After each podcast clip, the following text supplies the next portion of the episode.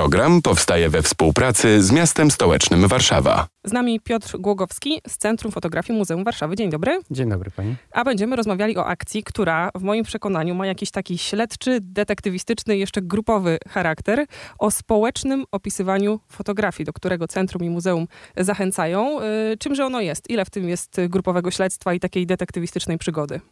E, akcja jest oczywiście kierowana do szerokiego, e, szerokiego grona odbiorców, natomiast jakby mm, jej grupowy charakter jest ograniczony, to znaczy to nie jest, że to jest wspólne, to nie jest akcja polegająca na wspólnej próbie opisywania zdjęć, ale jakby mm, próbie opisywania zdjęć wspólnymi siłami o tyle, że dziesiątki, a mamy 200 w tej chwili, ponad 200 uczestników, dziesiątki właśnie um, internautów próbuje e, w domu, w zaciszu domowym opisać samodzielnie zdjęcia z naszego zasobu.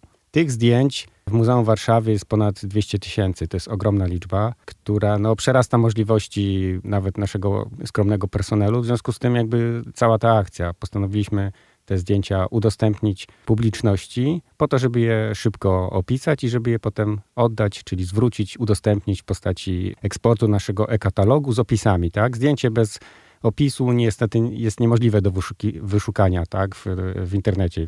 Jak będzie miało opis, to nawet jeśli ten opis nie będzie idealny, to jesteśmy w stanie je odnaleźć i wykorzystać do jakichś naszych y, potrzeb. Co to są za fotografie? To są przede wszystkim fotografie Warszawy i Warszawy y, powojennej. Wykorzystaliśmy zasoby, część zasobów kolekcji znanych autorów. To jest na przykład y, Alfred Funkiewicz, który od 1945 roku fotografował najpierw ruiny, a potem odbudowywaną Warszawę.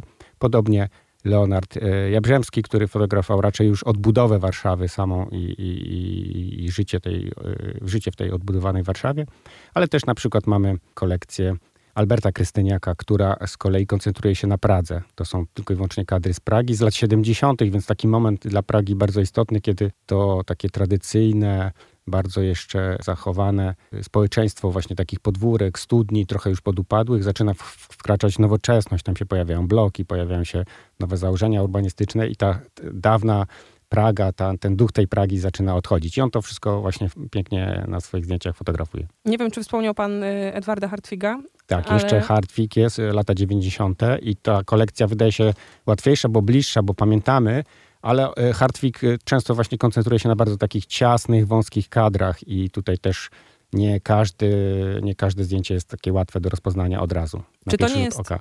zdumiewające, że fotografowie nie podpisywali właściwie swoich prac? To nie, to nie, to nie jest zaskakująca praktyka. Jeżeli ktoś jest takim zawodowym fotografem i robi naprawdę dużo, dużo materiału, to on sobie oczywiście pamięta, zapisuje, ma swoje notatki jakieś zeszyty prowadzi, gdzie spisuje właśnie tego i tego dnia, byłem tu i tu, robiłem to i ta rolka, nie wiem, M53 to jest właśnie z tego miejsca, tak? Ale y, to jest jedna rzecz, ale y, no, musimy mieć takie notatki.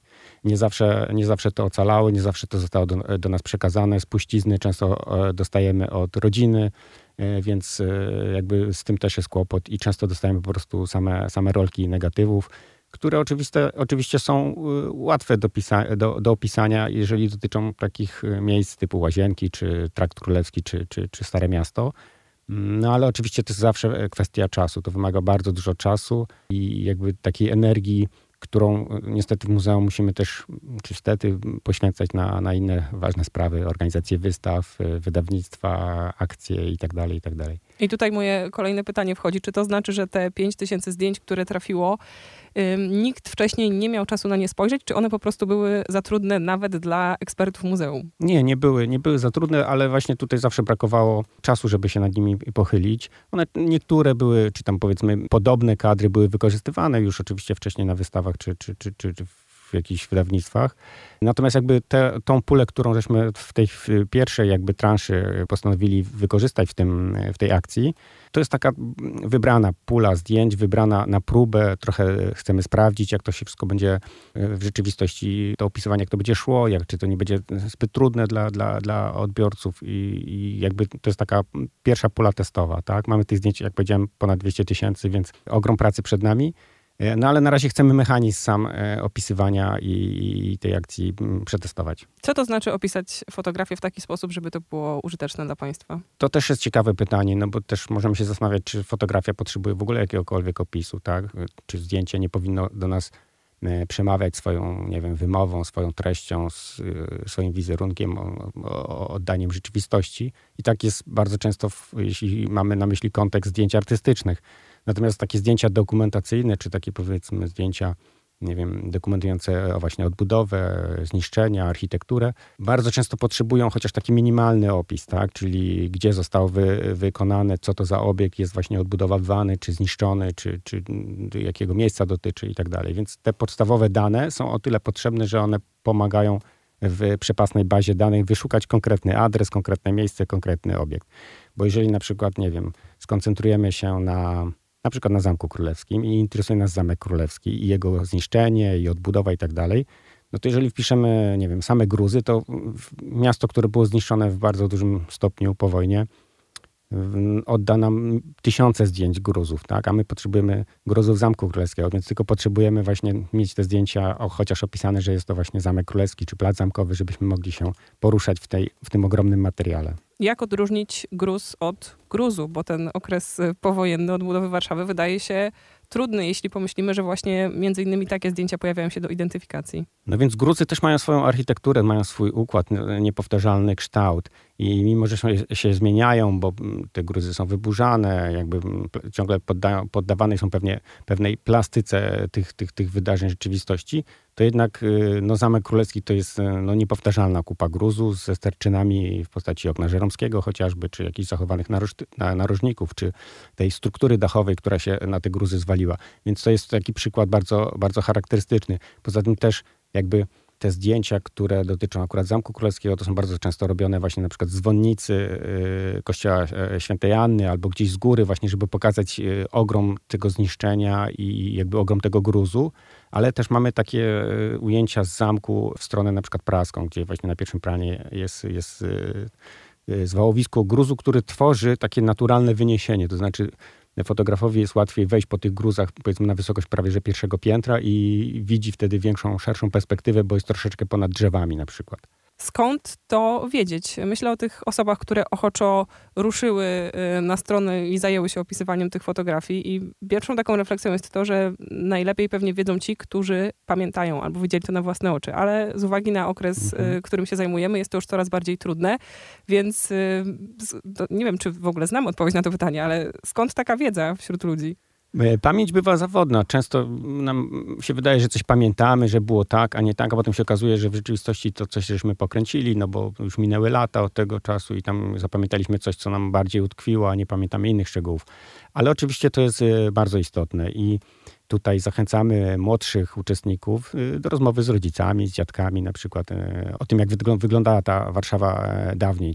To jest na pewno świetne źródło zawsze. Można pokazać takie zdjęcia właśnie starszemu pokoleniu i próbować jakieś informacje wydobyć. E, w gruncie rzeczy takie istotne miejsca e, są dobrze zapamiętywane przez, przez, przez ludzi i jakby młodsze pokolenie, bo w tym miejscu może już w tej chwili stać jakaś zupełnie nowa budowla, architektura, to miejsce mogło się całkowicie zmienić, ale starsi ludzie zazwyczaj pamiętają, co było tam wcześniej, tak? I pamiętają, że był tam, nie wiem, jakiś pusty plac, albo stało, nie wiem, stał pomnik jakiś, czy cokolwiek innego. Więc zachęcamy do takich rozmów. Ale oczywiście też współczesne narzędzia, e, jakie daje nam internet, to, to jest ogromna, ogromna pomoc. Tak? Mamy wszelkiego rodzaju mapy, zdjęcia satelitarne, zdjęcia lotnicze, e, mamy różnego rodzaju zasoby danych, tak, między innymi właśnie e-katalog e, Muzeum Warszawy, tam trochę zdjęć e, udostępniamy również tych opisanych, opracowanych. Mamy inne instytucje, archiwa i tak dalej. Tam można przeszukiwać, żeby szukać podobnych ujęć i po, podobnych, znaczy jeżeli chcemy zweryfikować, czy to miejsce jest rzeczywiście tak, jak żeśmy ustalili, właśnie podobnych, jak już znamy adres i tak dalej, to łatwiej jest po prostu szukać. Przez porównanie. Przez porównanie, tak, przez analogię, przez inne zdjęcia, bo ten okres powojenny, a na tym się głównie skupiliśmy tutaj w tej akcji, y, jest dość dobrze obfotografowany i właśnie w wielu, w wielu, wielu instytucjach są te zasoby. Nie zawsze one są właśnie udostępnione, tak, i dzięki naszej akcji społecznemu opisywaniu fotografii właśnie też chcemy ten duży zasób zdjęć powojennych jak najbardziej, jak najszerzej udostępniać. Myślę sobie o takiej trudności, czy też takim wyzwaniu, jakim jest właśnie dotarcie do tej najstarszej grupy, której być może nie ma na bieżąco przy komputerze albo przy głośniku, z którego nadaje Radio Campus, że takie jednak ta nić połączenia pokoleń jest tutaj super istotna, żeby to ich zachęcić do podzielenia się wiedzą. To oni to wiedzą, tylko jak do nich dotrzeć? No to tak jak mówię, poprzez właśnie rozmowy, e, jakieś bliskie, poprzez taką, e, poprzez próbę. E, młodsze pokolenie zazwyczaj nie chce słuchać, tak, bo wydaje mi się, a tam jakieś opowieści sprzed wielu lat, co, co, co to mnie może dotyczyć i jakby co to ma wspólnego z obecnym życiem. Ale właśnie to jest myślę taki moment, że właśnie można zapytać i można pociągnąć tą nitkę i przy okazji dowiedzieć się jakichś fajnych, ciekawych rzeczy rodzinnych, tak, dotyczących właśnie nie wiem, młodości dziadka, ojca i tak dalej. To też są ciekawe rzeczy i gorąco do tego zachęcamy. A patrząc na fotografię, y, na co zwracać szczególną uwagę, jeśli nie jest to jednak y, morze gruzu, tylko coś może bardziej łatwiejszego? Co nam pomoże scharakteryzować choćby czas powstania zdjęcia? Tak, no z ustaleniem czasu y, jest pewna trudność zawsze. No, taką dokładną datę ustalić to jest no, niezwykle trudno. E, czasami są oczywiście takie wydarzenia, które mają w prasie jakieś odbicie i tak dalej. Można przez prasę dotrzeć, jaki to był dzień konkretnie, tak? E, ale też nie zależy nam na jakiejś takiej hiper bardzo poprawności i dokładności. Raczej chcemy, żeby to była jakaś wykonana praca przez e, uczestników akcji, czyli żeby oni jakoś próbowali mm, opisać tą datę mimo wszystko, tak? Że ustalić właśnie, jeżeli jakiś budynek był odbudowywany w tym i w tym okresie, to przynajmniej do tego okresu można to, e, te, ten moment zawęzić. Tak? A jeżeli widzimy, że w ogóle tam nie ma tego budynku, jest zniszczony, tak, to wiemy, że to jest przed tym okresem, zanim go zaczęto odbudowywać. I w ten sposób jakoś można to próbować. Wskazówką do opisu są inne elementy rzeczywistości, które na zdjęciach się zdarzają. To są na przykład e, linie tramwajowe kursujące po jakichś ulicach, to są w ogóle autobusy, komunikacja miejska. Tutaj duża grupa uczestników też zwraca na to uwagę, pasjonuje się komunikacją warszawską, w związku z tym jest w stanie stwierdzić na podstawie, nie wiem, jadącego, jadącego z tyłu tramwaju właśnie, że to nie mogło być przed tym rokiem, bo ten tramwaj tam wcześniej nie mógł jeździć, albo odwrotnie i tak dalej.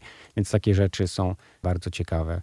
E, tutaj też wspomnę o ciężarówkach. Tak? Jest rzesza osób, które się interesuje samochodami ciężarowymi i rozpoznaje konkretne modele e, tych, tych, tych ciężarówek Mm, a po wojnie z demobilu trafiały bardzo piękne wozy właśnie amerykańskie, angielskie i tak dalej z całego świata. Ja jeszcze pomyślałam o modzie, chociaż tu będzie trudno z ostrością, ale jednak jest to jakiś wyznacznik, choćby dekady. Też, ale tą, ta moda y, tuż powojenna jest bardzo taka trudna, bo ona, no, to jest moda niedoborów, moda jakiś wynikająca z różnego splotu różnych, różnych rzeczy i tutaj gdybyśmy mieli powiedzmy te, te zdjęcia takim nieprzerwanym ciągiem od powojnia do lat współczesnych, to ta moda by była pomocna przy właśnie definiowaniu, czy są lata 80., 70. czy 60. na przykład, ale nie mamy tak tej, tej, tej, tej, tych zdjęć tak, tak szeroko tutaj reprezentowanych. Raczej właśnie mamy okres powojenny i to jest głównie właśnie gruzy, odbudowa,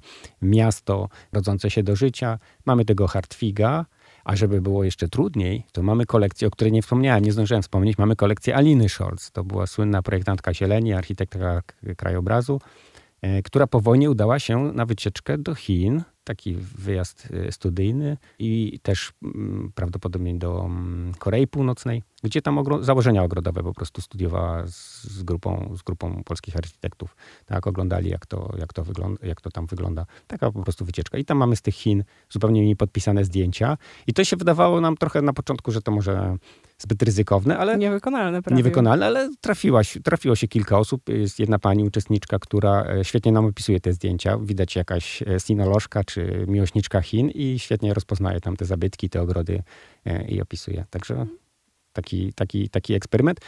Co mm, też warto dodać, w tym ten program umożliwia wybór albo poszczególnego, poszczególnego autora, albo właśnie kilku autorów, tak, możemy się skoncentrować, czy chcemy właśnie ruiny, czy chcemy samego Hartwiga opisywać. Tutaj możemy sobie to wybrać.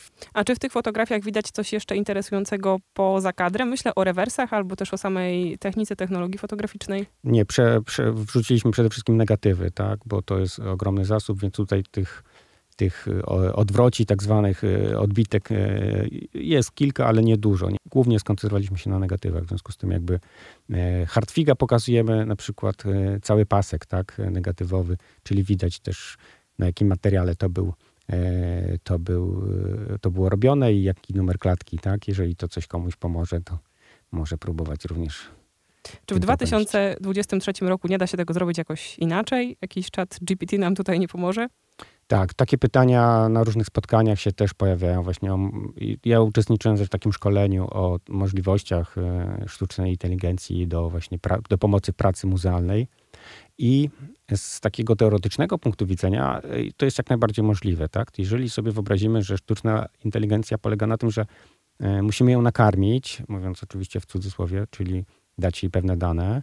Jeżeli sobie wyobrazimy, że takiej sztucznej inteligencji dajemy bardzo dużo materiału wyjściowego, tak, czyli bardzo dużo opisanych zdjęć, przygotowanych, konkretnie e, mm, jakby już mm, gotowych, to ona potrafi oddać, to znaczy potrafi dla, e, rozpoznać, tak jak rozpoznaje na przykład twarze, tak? To już jest bardzo popularne, taka wyszukiwarka twarzy, e, że dajemy swoją twarz i możemy na przykład na nie wiem, z biegu maratońskiego znaleźć e, siebie biegnącego tam, prawda, na którymś kilometrze, bo robiono zdjęcia, tak? I takie, takie programy już funkcjonują na całym świecie i są wykorzystywane.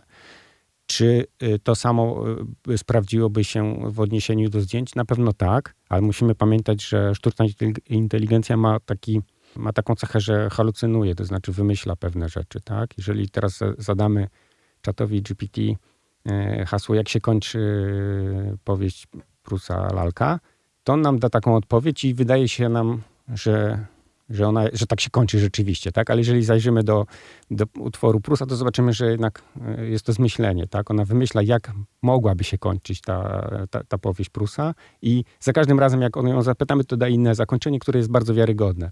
I w przypadku zdjęć, które, e, którymi nie nakarmimy, a nie jesteśmy w stanie jakby Mm, dać tych tylu wyjściowych danych, to znaczy ty, wszystkie, mieć obiekty wszystkie sfotografowane i pokrywające całą Warszawę, tak, żeby mieć stuprocentowy efekt. W związku z tym jakby zawsze będzie jakiś taki margines dla człowieka, zawsze właśnie pomyłka i konieczność weryfikowania tego.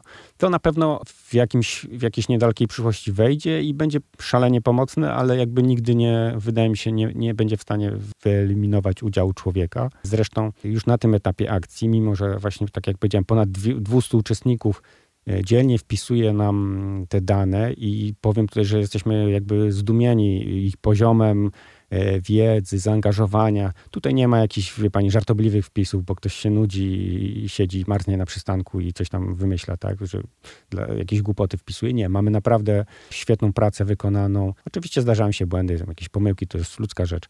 I te wszystkie dane jakby my szczytujemy i je weryfikujemy, tak? To znaczy nie, nie, nie cenzurujemy tych wypowiedzi, bo one nie potrzebują takiej, takiej cenzury, tylko raczej e, jest to redakcyjna korekta. Czasami uzupełniamy jakieś tam drobne informacje, poprawiamy jakieś ewidentne pomyłki, bo ktoś e, szybko się spieszył i, i, i się pomylił, więc 60% jest już tych zdjęć, że tak powiem, opisanych i, i czekają już w systemie połowę tych 60% już żeśmy zweryfikowali, więc akcja idzie bardzo do przodu, szybko, dwa tygodnie od jej uruchomienia, więc można powiedzieć, że ogromny sukces. E, jest nam bardzo miło, że jest takie wielkie zainteresowanie i no to tak szalenie nas krzepi i cieszy i ta interakcja, bo ludzie też nie tylko opisują te zdjęcia, ale zadają nam konkretne pytanie, jak ten system działa. Tam to jest bardzo prosty, banalne, banalna, prosta strona, która ma bardzo proste mechanizmy, niestety, bo chciałoby się właśnie mieć coś bardziej rozbudowanego, ale to oczywiście wszystko kosztuje, chcieliśmy to zrobić jakoś tak w miarę tanio i ekonomicznie, żeby to nie, nie budować z tego nie wiadomo co, tym bardziej, że jakby chcemy przetestować cały system i sprawdzić, jak on w praktyce będzie działał. To jeszcze odeślijmy tych, którzy chcieliby się włączyć do wielkiej akcji identyfikacyjnej i spróbować swoich sił. Tak, najprościej dotrzeć przez stronę Muzeum Warszawy, tam jest zakładka społeczne opisywanie fotografii, natomiast sama, mm, sama strona jest, e, że tak powiem, zbudowana na holenderskim e, projekcie Feilehanden, to się nazywa, tak się nazywa ta strona. W Holandii już od kilku lat w ten sposób działają i to się tam świetnie sprawdza. Do tego stopnia, że powiedzmy ta pierwsza generacja opisywaczy tych fotografii najlepszych już jest takimi kontrolerami. Oni już kontrolują opisy kolejnego, kolejnych generacji. Także ten program już nawet nie potrzebuje takiej opieki ze strony muzealnej, bo sam, sam się nakręca i sam się sprawdza, kontroluje. Oni tam duże, duże zbiory też wrzucają i, i świetne mają wyniki. Tutaj powiem też, że jakby za każde opisane zdjęcie i zweryfikowane System przyznaje punkty, te punkty można później przeliczać na nagrody. To nie są jakieś niesamowite nagrody, są to publikacje nasze muzealne, torby, bilety wstępu na wystawy, także tego typu rzeczy. Tutaj y, sprawy dzieją się szybko. W przypadku społecznego opisywania fotografii jesteśmy już e, za połową zdjęć, które pojawiły się w puli. Czy ich zabraknie? Czy liczba chętnych przerośnie zasób? Tak się może zdarzyć, aczkolwiek wydaje nam się też, że to jest taki efekt tego, że jakby na pierwszy ogień idą te najłatwiejsze rzeczy, tak? To znaczy mm, dojdziemy do jakiegoś takiego punktu, pewnie gdzieś pod koniec grudnia, może na początku stycznia, że zostanie, zostaną już takie naprawdę trudne zagadki. E, I wtedy to opisywanie po pierwsze zwolni bardzo, bo trzeba będzie się dłużej zastanawiać nad każdym zdjęciem, poza tym zostaną, zostaną już takie naprawdę trudne rzeczy, w związku z tym nie będzie można takiego i tempa osiągnąć i tak dalej. To też będzie ciekawy, myślę, okres i też ciekawy, ciekawa próba dla już takich naprawdę bardzo mocno zaawansowanych e, opisywaczy, tak? Znaczy ludzi z dużą wiedzą i też potrafiących e, odpowiednio wyszukać jakieś miejsce, nawet jeżeli mm, jakieś miejsce zostało właśnie po raz pierwszy sfotografowane, czy nie znają go z innej ikonografii, to też jest e, ogromne wyzwanie i takie osoby się już ujawniają na, na naszym na naszym, na naszym tym portalu, na, na tej, w czasie naszej tej akcji, bo my te czytamy, my czytamy te wszystkie opisy i widzimy właśnie od, od zaplecza, że ktoś naprawdę e, dużą pracę wykonuje, bo to nie, nie są łatwe e, zdjęcia do opisania, a mimo wszystko odnajdują adres, my to weryfikujemy i sami jesteśmy zdumieni, że komuś się też to udało właśnie tak szybko wykonać. Czy poza zachęceniem do udziału w akcji kończymy naszą rozmowę zawołaniem ludzie opisujcie zdjęcia na bieżąco? Myślę, że e, tak, po pierwsze chyba nie trzeba jakoś specjalnie zachęcać. E, większość uczestników chyba bardzo lubi to robić, bo. Ale myślę o takich prywatnych sprawia... zbiorach, o tych wszystkich albumach, które, których opisanie zostawia się na wieczne nigdy. Tak, to, to prawda, ale to właśnie, ponieważ to się zostawia na wieczne nigdy, to się rzadko kiedy właśnie opisuje e, i raczej się właśnie patrzy na zdjęcie i się pamięta, wie się, gdzie ono zostało zrobione i powiedzmy kiedy.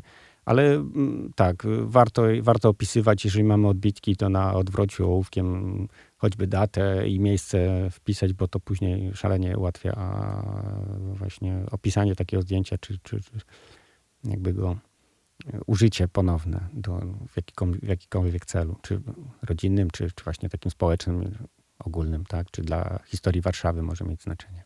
A Centrum Fotografii jest też takim miejscem, które przyjmuje y, prywatne fotografie i zbiory? Tak, przyjmujemy, przyjmujemy e, zbiory.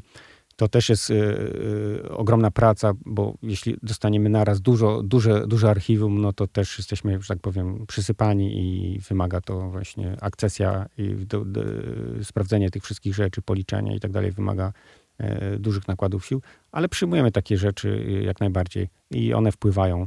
Często są to rzeczy właśnie przedwojenne albo właśnie z okresu powojnia, już generacji jakichś rodziców, dziadków, przekazywane, przekazywane dokumenty czy, czy właśnie fotografie. E, jeśli chodzi o kolekcje takie autorskie, typu fotograficzne, czysto, no to też bardzo często negocjujemy tak, z różnego rodzaju fotografami czy ich rodzinami i próbujemy tutaj jakieś właśnie też drobne zakupy czynić. Tak? No, niestety muzeum nie należy do placówek, które są bardzo majętne, tak? nie, nie jesteśmy w stanie. Och, tyle tam złotych cukiernic na wystawie i różnych innych. Nie jesteśmy brązów. w stanie. Nie jesteśmy w stanie, tak powiem, wszystko zakupić po cenach antykwarycznych, no ale staramy się naszą kolekcję jakby uzupełniać po, o, o jakieś ciekawe prace, chociażby pojedyncze, albo właśnie o takie większe kolekcje i namawiamy do właśnie mm, przekazywania darmowego, tak? Y, jesteśmy w stanie jakoś tam uhonorować tych darczyńców w specjalny sposób. Jeśli chodzi o cukiernice, natomiast i o, o, platery, to tutaj bardzo często właśnie dostajemy pomoc y, z ministerstwa czy, czy od prywatnych jakichś tych y, podmiotów y, właśnie na dofinansowanie do takich zakupów, bo, bo to są drogie rzeczy. Żeby zobaczyć cukiernicę do Muzeum Warszawy, poszczegóły akcji na wszystkie internetowe wcielenia Muzeum i Centrum Fotografii, z którego przybył dzisiaj do nas Piotr Głogowski. Dziękuję. Bardzo dziękuję za rozmowę. Do usłyszenia. Program powstaje we współpracy z miastem stołecznym Warszawa. Same sztosy.